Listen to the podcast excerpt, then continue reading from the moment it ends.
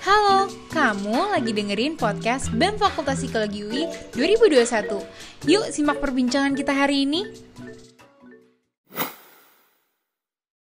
Selamat datang di podcast Bincang Bahas Kang Mas dengan saya Diani sebagai Wakil Kepala Departemen Pengmas BEM Fakultas Psikologi UI dan dan saya Hedera sebagai staf dari Departemen Pengmas BEM Fakultas Psikologi UI Oke, hari ini kita berdua akan menemani teman-teman di mana pun kalian berada untuk berbincang hangat dan asik tentang topik yang tentunya juga hangat dan asik nih teman-teman. Boleh seru banget. Ceritain Der, sebenarnya hari ini kita mau ngapain sih? Oke, jadi selama beberapa menit ke depan kita bakal ngobrol-ngobrol nih ya Kak Diani. Jadi uh, pastinya kita nggak cuma berdua aja nih Kak. Kita hari ini temenin sama bintang tamu yang pastinya bakal seru dan kita juga bakal belajar banyak banget nih di sini nanti. Oke, nah sebelum lebih lebih jauh ke obrolan kita, kita bahas dulu kali ya bincang bahas Kang Mas itu apa sih? Boleh oh. nih Kak Diani mungkin. Oke, thank you banget nih Bu Dera buat pertanyaannya. Karena mungkin orang-orang bingung kali ya nggak pernah dengar bincang bahas Kang Mas itu sebenarnya apa. Jadi kalau dilihat ada Kang Mas. Kang Mas ini adalah sebuah singkatan teman-teman dari kajian pengabdian masyarakat. Jadi ini adalah program kerja dari Departemen Pengabdian Masyarakat di BEM Fakultas Psikologi UI, di mana intinya di sini kami membuat kajian. Tujuannya kita pengen menyampaikan informasi yang akurat dan tentunya yang aktual juga nih kepada sivitas, tapi nggak cuma buat sivitas psikologi UI aja, tapi juga ke masyarakat. Tujuannya kita pengen meningkatkan awareness dan juga kesadaran tentang isu-isu yang kita fokuskan. Isunya adalah isu sosial dan lingkungan. Gitu. Nah, tapi berbeda dengan tahun-tahun lalu, tahun ini kita ada inovasi baru nih. Karena biasanya kita uh, cuma dalam bentuk kajian dan juga infografis, tahun ini kita mau membawa warna baru untuk Kang Mas. Kita pengen mengemas dalam bentuk podcast juga, seperti yang sedang kita jalani sekarang. Gitu sih, Der. Oke. Wih, nah, berarti biar lebih gampang juga ya Kak buat dicernanya gitu isu yang kita angkatnya itu. Bener banget. Jadi bisa didengerin sambil di jalan kelas nggak ada yang jangan sambil kelas. Tapi bisa didengerin kapan aja di di mana pun gitu. Oke tapi namanya podcast pasti harus ada yang diomongin kan Der ya? Sebenarnya hari ini kita mau bahas apa sih? Oke, jadi hari ini kita bahas salah satu isu yang sebenarnya mungkin udah beberapa kali dibahas gitu ya sama uh, di tempat-tempat lain mungkin. Tapi menurut kita nih sebenarnya masih butuh sorotan yang lebih jauh nih tentang isu ini, yaitu isu tentang penyandang disabilitas di Indonesia. Lebih tepatnya lagi, kita akan menyelami, ranah kerja untuk penyandang disabilitas. Apakah sudah cukup? Oh, oke. Okay. Seru banget kayaknya ya dari judulnya. Berarti kita akan mengupas tuntas nih tentang uh, isu disabilitas khususnya di ranah pekerjaan. Nah, untuk topik yang seru, kita juga tentunya butuh narasumber yang seru dan kita udah mengundang di sini ada narasumber yang udah expert banget di bidang ini dan udah bersedia untuk meluangkan waktunya untuk sharing sama kita. Lama-lama lagi, mari kita sambut Mbak Prima dari di Network Indonesia. Selamat datang Mbak Prima. Selamat halo. datang Mbak Prima. Halo, halo. Apa halo, kabar? Mbak. Baik Mbak, Mbak juga sehat? Sehat dong. Oke, ini Mbak Prima lagi di mana nih Mbak sekarang domisilinya? Saya di Bali, karena memang kantor di network, kita base-nya di Bali. Oke, berarti uh, inilah enaknya zaman sekarang ya kita bisa bikin podcast uh, satu di Jawa, satu di Bali, tapi bisa tetap ngobrol-ngobrol. Oke. Iya betul. Sekali lagi aku mau mengucapkan terima kasih banyak buat Mbak Prima udah mau meluangkan waktunya untuk ngobrol-ngobrol sama kita secara virtual di sini. Mungkin uh, biar yang dengerin juga lebih kenal, boleh Mbak Prima memperkenalkan diri tentang background singkat dari Mbak Prima dulu nih Mbak. Boleh silakan. Oke, jadi saya Prima, uh, Prima Ayu ya nama agak panjang ya. Uh, terus saya uh, sekarang di di Network sebagai Project Manager dan uh, alma mater sebelumnya di UGM. Jadi dari Jogja hijrah ke Bali lumayan jauh, tapi ya uh, apa yang memang memang untuk untuk ini sih apa untuk pekerjaan ini gitu sih. Ya. Oke, makasih banyak Mbak untuk perkenalannya. Menarik banget ya, tadi udah dengar berarti dari Jogja pindah ke Bali untuk pekerjaan. Nah ini pengen kita gali-gali lebih dalam nih, kira-kira seperti apa perjalanannya gitu. Boleh nih, Dera? Oke, mungkin kita lanjut kali ya. Sebelum bincang lebih lanjut tentang isunya, kita kenalan dulu nih tentang di networknya. Mungkin boleh untuk Mbak Prima, uh, sebenarnya di network Indonesia itu apa sih Mbak? Ya, jadi di network itu pada dasarnya platform ya. Jadi kita ada website, platform yang uh, tujuannya untuk menghubungkan nih, menghubungkan tenaga kerja disabilitas dengan perusahaan. Gitu. Jadi uh, intinya platform. Jadi kita pun menyebut rekan disabilitas yang uh, terkoneksi dengan kita sebagai user. Gitu. Dan di network itu sudah ada sejak 2013 Eh, dan sejak itu sudah menghubungkan lebih dari 300 uh, eh, pencari kerja disabilitas dengan lowongan kerja. Gitu sih singkatnya. Keren banget ya Mbak berarti ya. Udah ternyata udah dari 2013 berjalan dan udah menghubungkan lebih dari 300 user ya Mbak berarti sebutannya ya. Betul. Oke, keren banget nih Mbak. Mungkin kita gali mundur sedikit lagi di 2013 itu sebenarnya apa sih Mbak alasan yang melatar belakangi didirikannya di network itu sendiri Mbak? Jadi di network itu kan sebenarnya di bawah Anika Linden Center di Denpasar juga di kantor kita Anika Linden Center itu jadi konsepnya adalah pendekatan holistik memang untuk disabilitas. Jadi di center itu membawahi uh, tiga tiga uh, organisasi terkait disabilitas. Jadi yang pertama memberi support untuk mobilitas seperti bantuan kaki palsu atau eh, kursi roda seperti itu. Nah, untuk kebutuhan-kebutuhan eh, disabilitas fisik dan mental bahkan dan disabilitas intelektual juga ada kebutuhan untuk rehabilitasi fisik seperti itu ada organisasi yang lain. Nah, untuk harapannya kalau teman disabilitas ini sudah uh, sudah independen secara mobilitas, harapannya untuk memberdayakan di pekerjaan. Jadi ada di network gitu. Jadi uh, pendekatannya holistik dari mensupport mobilitas di kesehatan, terus uh, harapannya setelah ada uh, independensi itu bisa untuk mendapat pekerjaan gitu. Oke, menarik banget nih ya Mbak. Nah, mungkin kan uh, perjalanan di network ini udah cukup lama nih ya Mbak dari 2013. Kira-kira uh, gambaran umum disabilitas di Indonesia sendiri itu bagaimana sih Mbak untuk dalam ranah pekerjaan? Ya, jadi uh, memang ini ya, uh, artinya di sektor disabilitas itu memang ada pergeseran paradigma. Jadi kita uh, apa dulu punya produk hukum Undang-Undang Nomor 94 itu uh, kita menyebutnya pun bahkan bukan disabilitas waktu itu Undang-Undang Penyandang Cacat gitu. Tapi kemudian ada konvensi internasional yang uh, apa ya mengubah paradigma bahwa penyandang disabilitas ini pun uh, subjek gitu. Jadi mereka bukan objek dari charity, mereka yang menjadi uh, beban keluarga, mereka yang harus ditaruh di panti sosial seperti itu.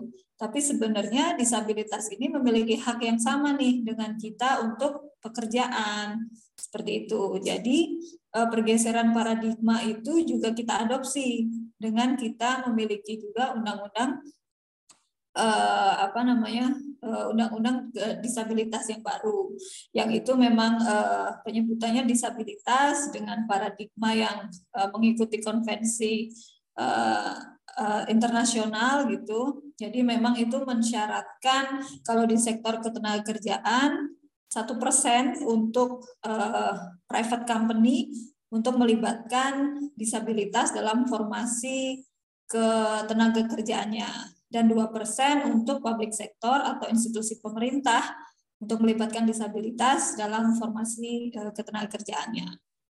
Begitu, jadi ada pergeseran paradigma dan itu juga uh, terefleksi di produk hukum kita.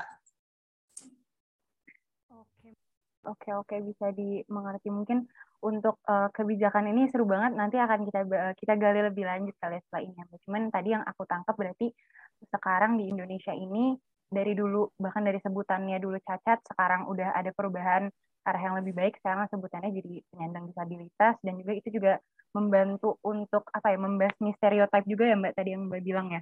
Yeah. Kita sebagai beban keluarga, beban sosial, sekarang perlahan-lahan udah mulai keluar dari stereotip itu berarti ya Mbak. Ya. Yeah. Terus Mbak, sebenarnya kan sering banget nih kalau misalnya kita ngomongin tentang isu disabilitas, muncul juga satu kata kunci yang sering muncul juga itu kata-kata inklusi. Sebelum kita uh, bergerak lebih lanjut lagi tentang itu, aku mau tanya dulu sih Mbak, kalau menurut Mbak dan di Network Indonesia sendiri sebenarnya inklusi itu apa sih Mbak artinya? Inklusi itu tentunya artinya secara literal pelibatan ya. Pelibatan, pelibatan dalam dalam semua aspek. Nah, kalau kita di, di network di ketenagakerjaan tentunya pelibatan disabilitas di uh, di ketenagakerjaan artinya yaitu tadi berhubungan dengan uh, apa mandat mandat undang-undang kita yang memang sudah mensyaratkan uh, pelibatan disabilitas untuk memiliki akses ke lapangan pekerjaan itu jadi kita di network pun selalu mengkampanyekan inklusi di tempat kerja gitu. Jadi inklusi itu tanggung jawab kita bersama.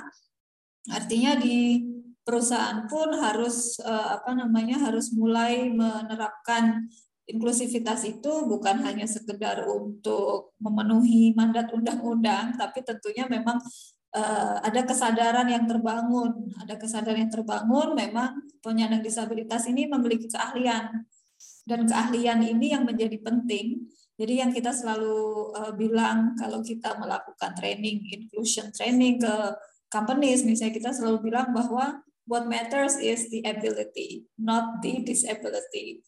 Gitu sih. Jadi inklusi itu intinya pelibatan ya, pelibatan secara aktif teman disabilitas untuk memiliki akses tempat kerja. Oke, oke Mbak aku izin mau quote tadi ada kata-kata Mbak Prima yang menarik banget itu what matters is the ability and not the disability gitu ya Mbak karena sekarang uh, mungkin masih ada beberapa perusahaan yang menerapkan inklusivitas itu cuma untuk uh, memenuhi undang-undang aja gitu ya Mbak. Ya, jadi memang apa namanya sebenarnya uh, kalau ngomong produk hukum ini juga ini masih implementasinya masih jauh ya Artinya jangankan private company, uh, institusi pemerintah pun masih belum. Tapi memang trennya semakin naik. Artinya memang ada kecenderungan untuk menjadi lebih inklusif nih pemerintah kita. Cuman memang belum ya, artinya belum seluruhnya bahkan dari uh, dari institusi pemerintah pun belum belum mempelopori nih untuk untuk misalnya semua semua uh, Eh, organisasi pemerintah di daerah itu untuk memenuhi kuota itu seperti itu. Oke, menarik banget nih. Uh, mungkin tadi dari penjelasan Mbak Prima itu udah inklusivitas itu sebenarnya udah mengarah ke yang lebih baik ya Mbak di Indonesia sendiri trennya udah semakin naik. Tapi kalau kita telah lebih lanjut, sebenarnya keuntungan dari menerapkan inklusivitas disabilitas di dunia pekerjaan itu apa sih Mbak kira-kira? banyak banget sebenarnya. Jadi memang kalau eh, apa namanya company sekarang masih menilai misalnya dengan mempekerjakan rekan disabilitas itu menjadi beban operasional perusahaan itu sebenarnya salah salah sekali. Karena memang menurut riset terkini justru saya eh, lupa ya itu saya baca di majalah Forbes itu justru bisa meningkatkan revenue perusahaan. Karena memang eh, apa namanya dengan mempekerjakan disabilitas tentu kita mendapatkan benefit ya dari memang skill mereka memiliki skill jadi kita nggak nggak ada ruginya tuh dengan mempekerjakan. Karena yang kita lihat tentunya kualitas kerja dan mereka memiliki itu. Nah terus yang kedua ada citra yang kebangun nih, citra positif yang kebangun dari perusahaan. Dan itu penting banget memang untuk perusahaan bisa menampilkan dirinya gitu ya. Bahwa secara moral dia juga eh, apa bertanggung jawab ke komunitas seperti itu. Dan eh, biasanya begini juga eh, kultur kerja di perusahaan itu menjadi lebih positif artinya kita kalau eh, punya mitra kantor misalnya yang disabilitas biasanya memang mereka itu sangat rajin ya, artinya nilai produktivitasnya tinggi. Karena memang eh, sebelumnya dan sampai saat ini juga sebenarnya akses untuk mendapat kerja kan masih susah. Jadi sekali dapat itu seperti dijaga sekali. Jadi mereka memang performanya terkadang melampaui yang non disabilitas gitu loh. Nah itu memang dinilai uh, memberi apa ya, memberi uh, kultur kerja yang positif di perusahaan. Itu sih, itu beberapa di antaranya ya. Oke, berarti sebenarnya keuntungannya jauh lebih banyak daripada apa yang mungkin orang-orang takutkan gitu ya Mbak ya? Betul. Uh, tapi sebenarnya Mbak kalau misalnya dari yang Mbak lihat sendiri, kan tadi keuntungannya sebenarnya banyak banget. Tapi kalau yang dari Mbak lihat, sebenarnya apa sih Mbak yang menghambat uh, perusahaan-perusahaan itu tuh untuk tidak menerapkan inklusivitas gitu? Yang ditakutkan sebenarnya apa sih Mbak biasanya? Ya, jadi memang kultur inklusi ini kan sesuatu yang baru ya, sesuatu yang uh, belum termainstream gitu loh. Jadi memang ini sedang sedang menuju ke arah sana tapi belum. Nah biasanya memang perusahaan itu memiliki kekhawatiran pastinya. Misalnya langsung berpikir tentang aksesibilitas nih, gimana infrastruktur saya, apakah siap? Gimana nanti uh, koordinasi uh, kerjasama sehari-hari tim saya, apakah mereka bisa berkomunikasi seperti itu.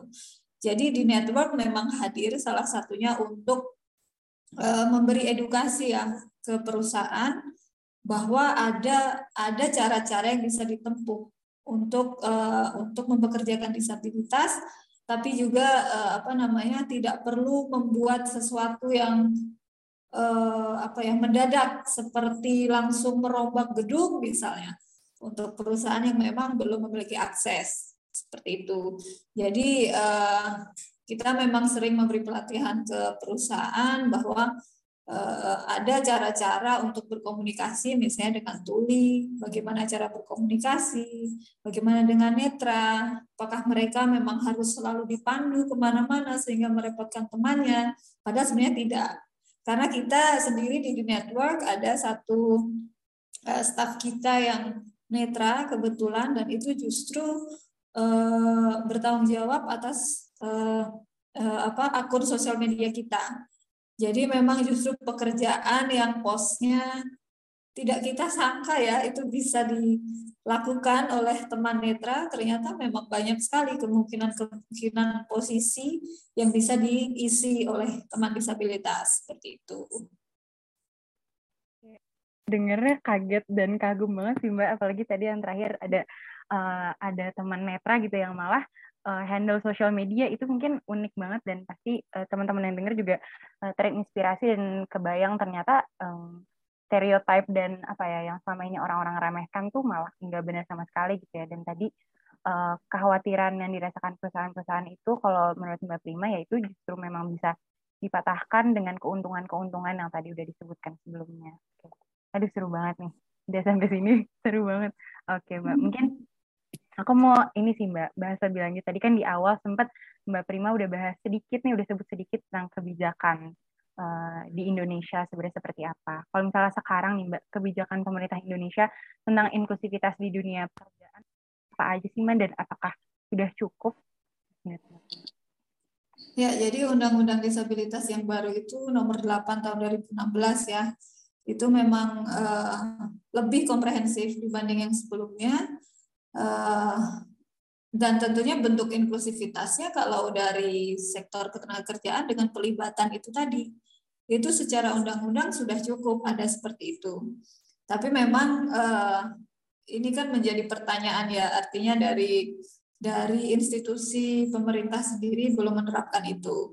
Walaupun eh, apa namanya? Walaupun trennya mengarah ke sana artinya bahkan ada salah satu staf kepresidenan yang juga disabilitas misalnya Nah, itu kan juga uh, sebuah kampanye ya, kampanye uh, nasional untuk kita harusnya mencontoh itu di company kita masing-masing seperti itu.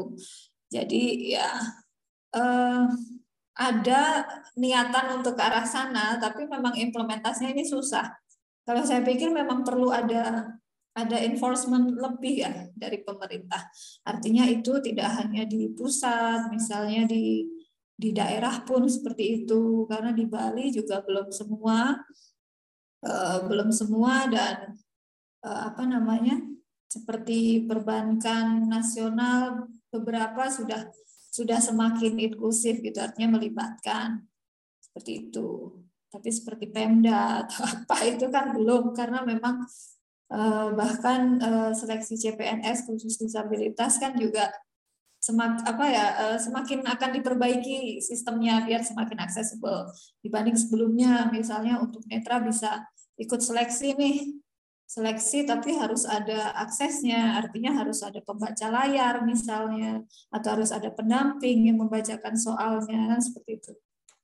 Jadi ini memang uh, memang tantangan ya seperti itu. Tapi memang uh, teknologi kita kan sudah berkembang. Artinya ada yang bisa dimanfaatkan dari sana. Seperti itu sih.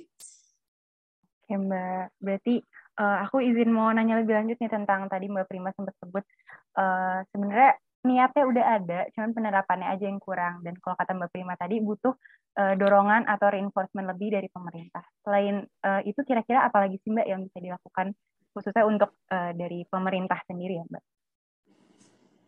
Uh, enforcement itu kan banyak ya, bisa dalam berbentuk turunan produk hukum, misalnya perda-perda itu semakin apa namanya semakin spesifik menjurus ke employment disabilitas seperti itu ataukah dalam bentuk apa ya kampanye nasional yang yang komprehensif gitu ya. Seperti misalnya konferensi disabilitas misalnya yang nasional jadi memang betul-betul ini adalah uh, target target secara nasional untuk melibatkan disabilitas di sekian tahun bisa itu harus tercermin sih menurut saya. Dan sepertinya itu belum. Dan mungkin juga begini apa eh, lowongan-lowongan yang ada itu biasanya masih masih mencari yang misalnya lulusan eh, lulusan sarjana misalnya untuk posisi-posisi yang strategis. Nah itu kan juga pendidikan dan pekerjaan itu kan sebuah eh, lingkaran yang berputar-putar di sana ya. Kalau pendidikan nggak meningkat, pekerjaan juga nggak bisa dapat gitu. Nah ini pun sama di sektor disabilitas. Karena user kita itu bahkan sekitar eh, 50% hampir itu memang lulusan SMA saja.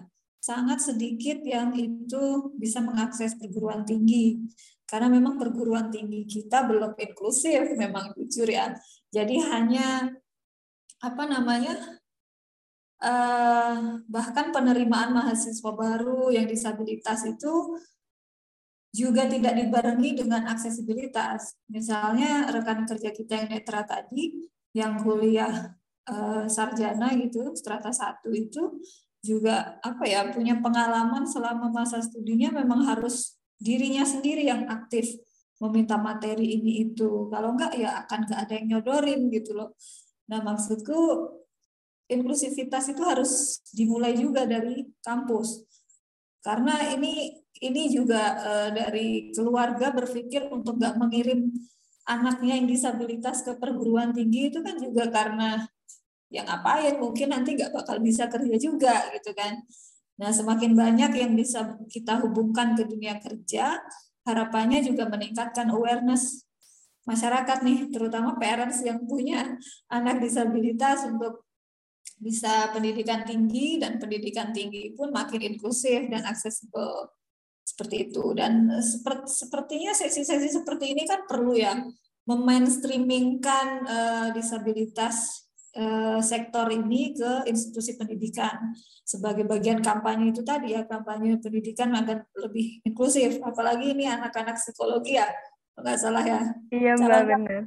calon-calon HR masa depan kan gitu ya. Biasanya HR itu kan anak psikologi, anak manajemen gitu kan. Nah, memang tantangan kita juga di company itu HR-nya itu semua kan tergantung departemen itu ya untuk perekrutan. Kalau HR-nya nggak ada awareness di sana ya akan nggak ada perekrutan itu. Kan itu. Ini sebagai upaya awal sih sebenarnya untuk memainstreamingkan uh, disability sektor ini ke institusi pendidikan, ke HR-HR futures, HR practitioner gitu ya. Jalan-jalan HR masa depan gitu sih. Oke, amin amin Mbak. Oke, berarti kalau misalnya bisa disimpulin dibutuhkan reinforcement dan mainstreaming ya Mbak. Jadi uh, benar banget tadi poin Mbak aku setuju banget sih kalau misalnya di pekerjaan udah inklusif tapi di pendidikannya belum dan belum ada apa ya mungkin kebijakan yang beriringan dengan kebijakan yang udah ada di pekerjaan tuh akan sulit juga karena semuanya saling berkaitan dan tadi Mbak Prima juga sempat nyebut poin tentang nggak cuma dari lingkungan pemerintah aja tapi dibutuhkan dari lingkungan yang lebih kecil apalagi eh, di keluarga dan juga sekolah gitu Mbak. Oke. Boleh nih Der dilanjut. Oke. Oke, iya benar banget nih menarik banget uh, poin-poin yang barusan dibahas oleh Mbak Prima. Mungkin uh, tadi kan juga dibilang kalau beberapa tuh sebenarnya udah diterapkan kan inklusivitas, disabilitas baik di ranah uh, pekerjaan ataupun pendidikan walaupun belum sempurna. Nah, kira-kira ada stereotip apa aja sih Mbak di ranah pekerjaan sendiri uh, untuk para penyandang disabilitas itu? Hmm, Oke, okay. biasanya begini, biasanya trennya itu karena itu tadi ya, karena inclusivity awareness-nya belum kebangun, jadi mereka itu cenderung untuk milih-pilih nih, saya pilih yang disabilitas fisik ringan dong, misalnya yang tangannya aja nggak ada, misalnya gitu. Tapi tetap mobilitasnya nggak terganggu, misalnya gitu. Jadi eh, karena awareness-nya belum ada, akhirnya pilih-pilih yang menggampangkan karena masih ada masih ada apa namanya stereotip tadi kalau ini akan merepotkan kita semua di operasional akan jadi beban seperti itu. Jadi yang terjadi itu memilih-milih dan spesialisasi kerja. Misalnya untuk di netra itu yang tersedia tukang masas, tukang pijet aja bisanya, nggak bisa yang lain gitu. Nah yang ingin selalu kita omongin sebenarnya semua disabilitas bisa kerja apa saja, tentunya yang relevan ya. Misalnya kalau netra untuk sesuatu yang visual tentunya kurang, untuk desain grafis seperti itu tentunya eh, apa namanya kurang gitu. Atau misalnya untuk tuli yang dia eh, karena penyerapan katanya sedikit, jadi dia kemampuan menulisnya pun rendah. Artinya peluang-peluang untuk menempati posisi yang memerlukan banyak penulisan membaca teks itu susah misalnya. Walaupun bukan tidak mungkin ya, karena semua tergantung dari uh, dari yang bersangkutan. Misalnya sama seperti kita ya, kalau kita terpapar dengan lebih banyak literasi, kita akan semakin bagus gitu. Sama dengan disabilitas. Nah, jadi spesialisasi-spesialisasi kerja itu yang kita ingin makin memperluas nih. Misalnya yang netra tuh nggak cuma bisa bisa masas doang, nggak cuma untuk ditaruh di spa misalnya kalau di hotel ya, kalau di Bali kan industrinya pariwisata kebanyakan. Nah, seperti misalnya kita selalu selalu ajak staf kita yang netra untuk disability training sebagai sebagai sampel ya, sebagai sampel bahwa justru ini staf kita ini bisa kok handle sesuatu yang menurut kita rumit dan dan perlu mengakses komputer banyak gitu ya, sering mengakses komputer itu yang selalu kita uh, coba kampanyekan juga terus teman tuli yang dia yang dia uh, bagus memiliki potensi untuk di visual misalnya desain grafis seperti itu. Jadi nggak ditempatkan di posisi-posisi kerah biru terus. Misalnya jadi cleaner atau jadi posisi yang paling rendah lah ya di perusahaan. Artinya kita inginnya uh, ada peningkatan karir juga. Jadi setelah di hire itu apa gitu? Bukan bukan terus menerus di sana gitu ya, karena ada peningkatan kapasitas, mengikuti pelatihan-pelatihan dari di network, ada kemampuan baru gitu. Jadi kita sih kepingin kepingin itu ya, artinya posisi-posisinya lebih beragam yang ditempati oleh rekan disabilitas dengan e, berbagai jenisnya gitu dan spesialisasi kerja tuh semakin semakin meluas ya jadi nggak itu itu aja posisinya gitu. Oke, mungkin berarti di sini stereotipnya itu masih seputar kayak spesialisasi terkait uh, disabilitas yang dialaminya, terus juga kadang suka masih diremehkan gitu ya Mbak. Jadi misalnya kayak penderita A itu bisanya cuma di A, padahal sebenarnya bukan nggak mungkin kalau dia diberi kesempatan tuh bisa juga di eh, ranah-ranah lainnya gitu ya. Nah, Betul. Oke. Nah, mungkin tadi uh, Mbak Prima juga udah bahas sedikit soal pentingnya awareness dari uh, HR-HR gitu kan, Mbak. Nah, karena di sini pendengar kita banyak anak psikologi nih, Mbak, atau mungkin juga ada dari fakultas lain kali ya. Kira-kira yeah. apa yang bisa kita lakukan untuk berkontribusi dalam memaksimalkan inklusivitas untuk disabilitas nih, khususnya mungkin sebagai mahasiswa? Ya tentunya mempelajari ini ya, mempelajari disabilitas itu sendiri. Artinya potensi apa yang yang mungkin dimiliki oleh disabilitas berbagai jenis, disabilitas netra, disabilitas tuli, yang fisik, disabilitas mental, disabilitas intelektual, mereka dengan ADHD misalnya seperti itu. Semua memiliki tantangan tersendiri tapi bisa kita bisa kita atasi gitu ya kalau kita di HR itu memiliki awareness dulu. Jadi awareness ini penting sekali untuk dimiliki karena kita jadi menganggap ini bukan charity, bukan CSR nantinya kalau sudah di perusahaan kita memakai dana-dana CSR untuk untuk apa namanya untuk untuk merekrut gitu itu kan enggak enggak pada tempatnya misalnya. Jadi pengalaman kita juga misalnya uh, sering ikut magang nih anak-anak magang terus magang terus gitu. Tapi nggak nggak di hire hire misalnya gitu. Jadi uh, apa ya mungkin memang disabilitas ini perlu di lebih banyak di, didiskusikan ya di lingkungan kampus gitu. Terutama untuk mereka yang nanti akan menuju ke sana. Anak psikologi anak bisnis manajemen kayak gitu jadi pada akhirnya nanti bisnis is not only about business gitu, tapi juga tentang uh, kembali me, uh, mengabdi ke masyarakat nih seperti organisasi teman-teman sekarang pengabdian masyarakat kan gitu ya. Jadi pada prakteknya nanti di dunia kerja memang kompetisi itu nyata. Artinya teman disabilitas ini berkompetisi dengan yang tidak disabilitas. Yang tidak disabilitas memiliki akses lebih luas dibanding mereka. Jadi eh, permakluman itu boleh ada di sana, tapi juga itu harus dibarengi dengan apa ya? Bahwa ini kita menilai kualitas seseorang itu memang dari dari kemampuan dia gitu loh. Dan teman-teman ini sebenarnya memiliki skill karena sebenarnya sudah banyak sekali program pelatihan, training seperti itu yang sebenarnya memperkaya nih keterampilan teman-teman disabilitas. Seperti itu, walaupun mungkin memang secara edukasi masih belum sarjana, tapi secara kemampuan mungkin mereka bisa menulis juga sebagai kontributor jurnalis seperti itu. Itu ada pelatihan-pelatihan yang memang disediakan untuk meningkatkan kapasitas. Seperti itu sih. Oke Mbak, luar biasa. Mungkin tadi pertanyaan dari daerah tadi sebenarnya uh, udah sekalian menutup sih itu pertanyaan terakhir dari kita dan nggak kerasa banget udah masuk ke uh, akhir dari podcast kita ini. Ini sebenarnya obrolannya sangat singkat tapi insightful banget dari aku pribadi banyak banget hal baru yang uh, aku dapetin hari ini. Semoga teman-teman yang dengerin juga ngerasain hal yang sama. Mungkin aku izin uh, menyimpulkan obrolan kita hari ini kali ya Mbak. Jadi dari yang uh, kita tangkap di sini sebenarnya kondisi disabilitas atau isu tentang disabilitas di Indonesia ini udah bergerak ke arah yang lebih progresif dan lebih baik sih. Cuman untuk penerapannya masih butuh uh, dorongan lebih gitu, butuh kerjasama dari berbagai lingkungan, mulai dari lingkungan sederhana di rumah dan keluarga yang memberikan kepercayaan untuk teman-teman disabilitas, dari sekolah juga dan lingkungan pendidikan yang diharapkan lebih inklusif karena ternyata itu juga uh, akarnya ujung-ujungnya akan ke pekerjaan juga gitu sampai ke tadi turunan produk hukum yang jauh lebih spesifik dan komprehensif.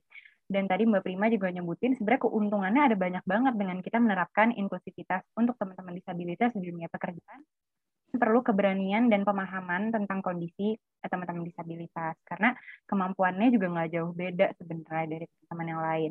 Dan tadi ditutup dengan uh, kata-kata Mbak Prima sebagai mahasiswa, banyak banget yang bisa kita lakuin dan berangkatnya dari awareness, dari kampanye-kampanye sederhana mungkin, dan juga bahkan sesimpel mengangkat isunya di uh, obrolan sehari-hari juga itu udah membantu ya Mbak ya.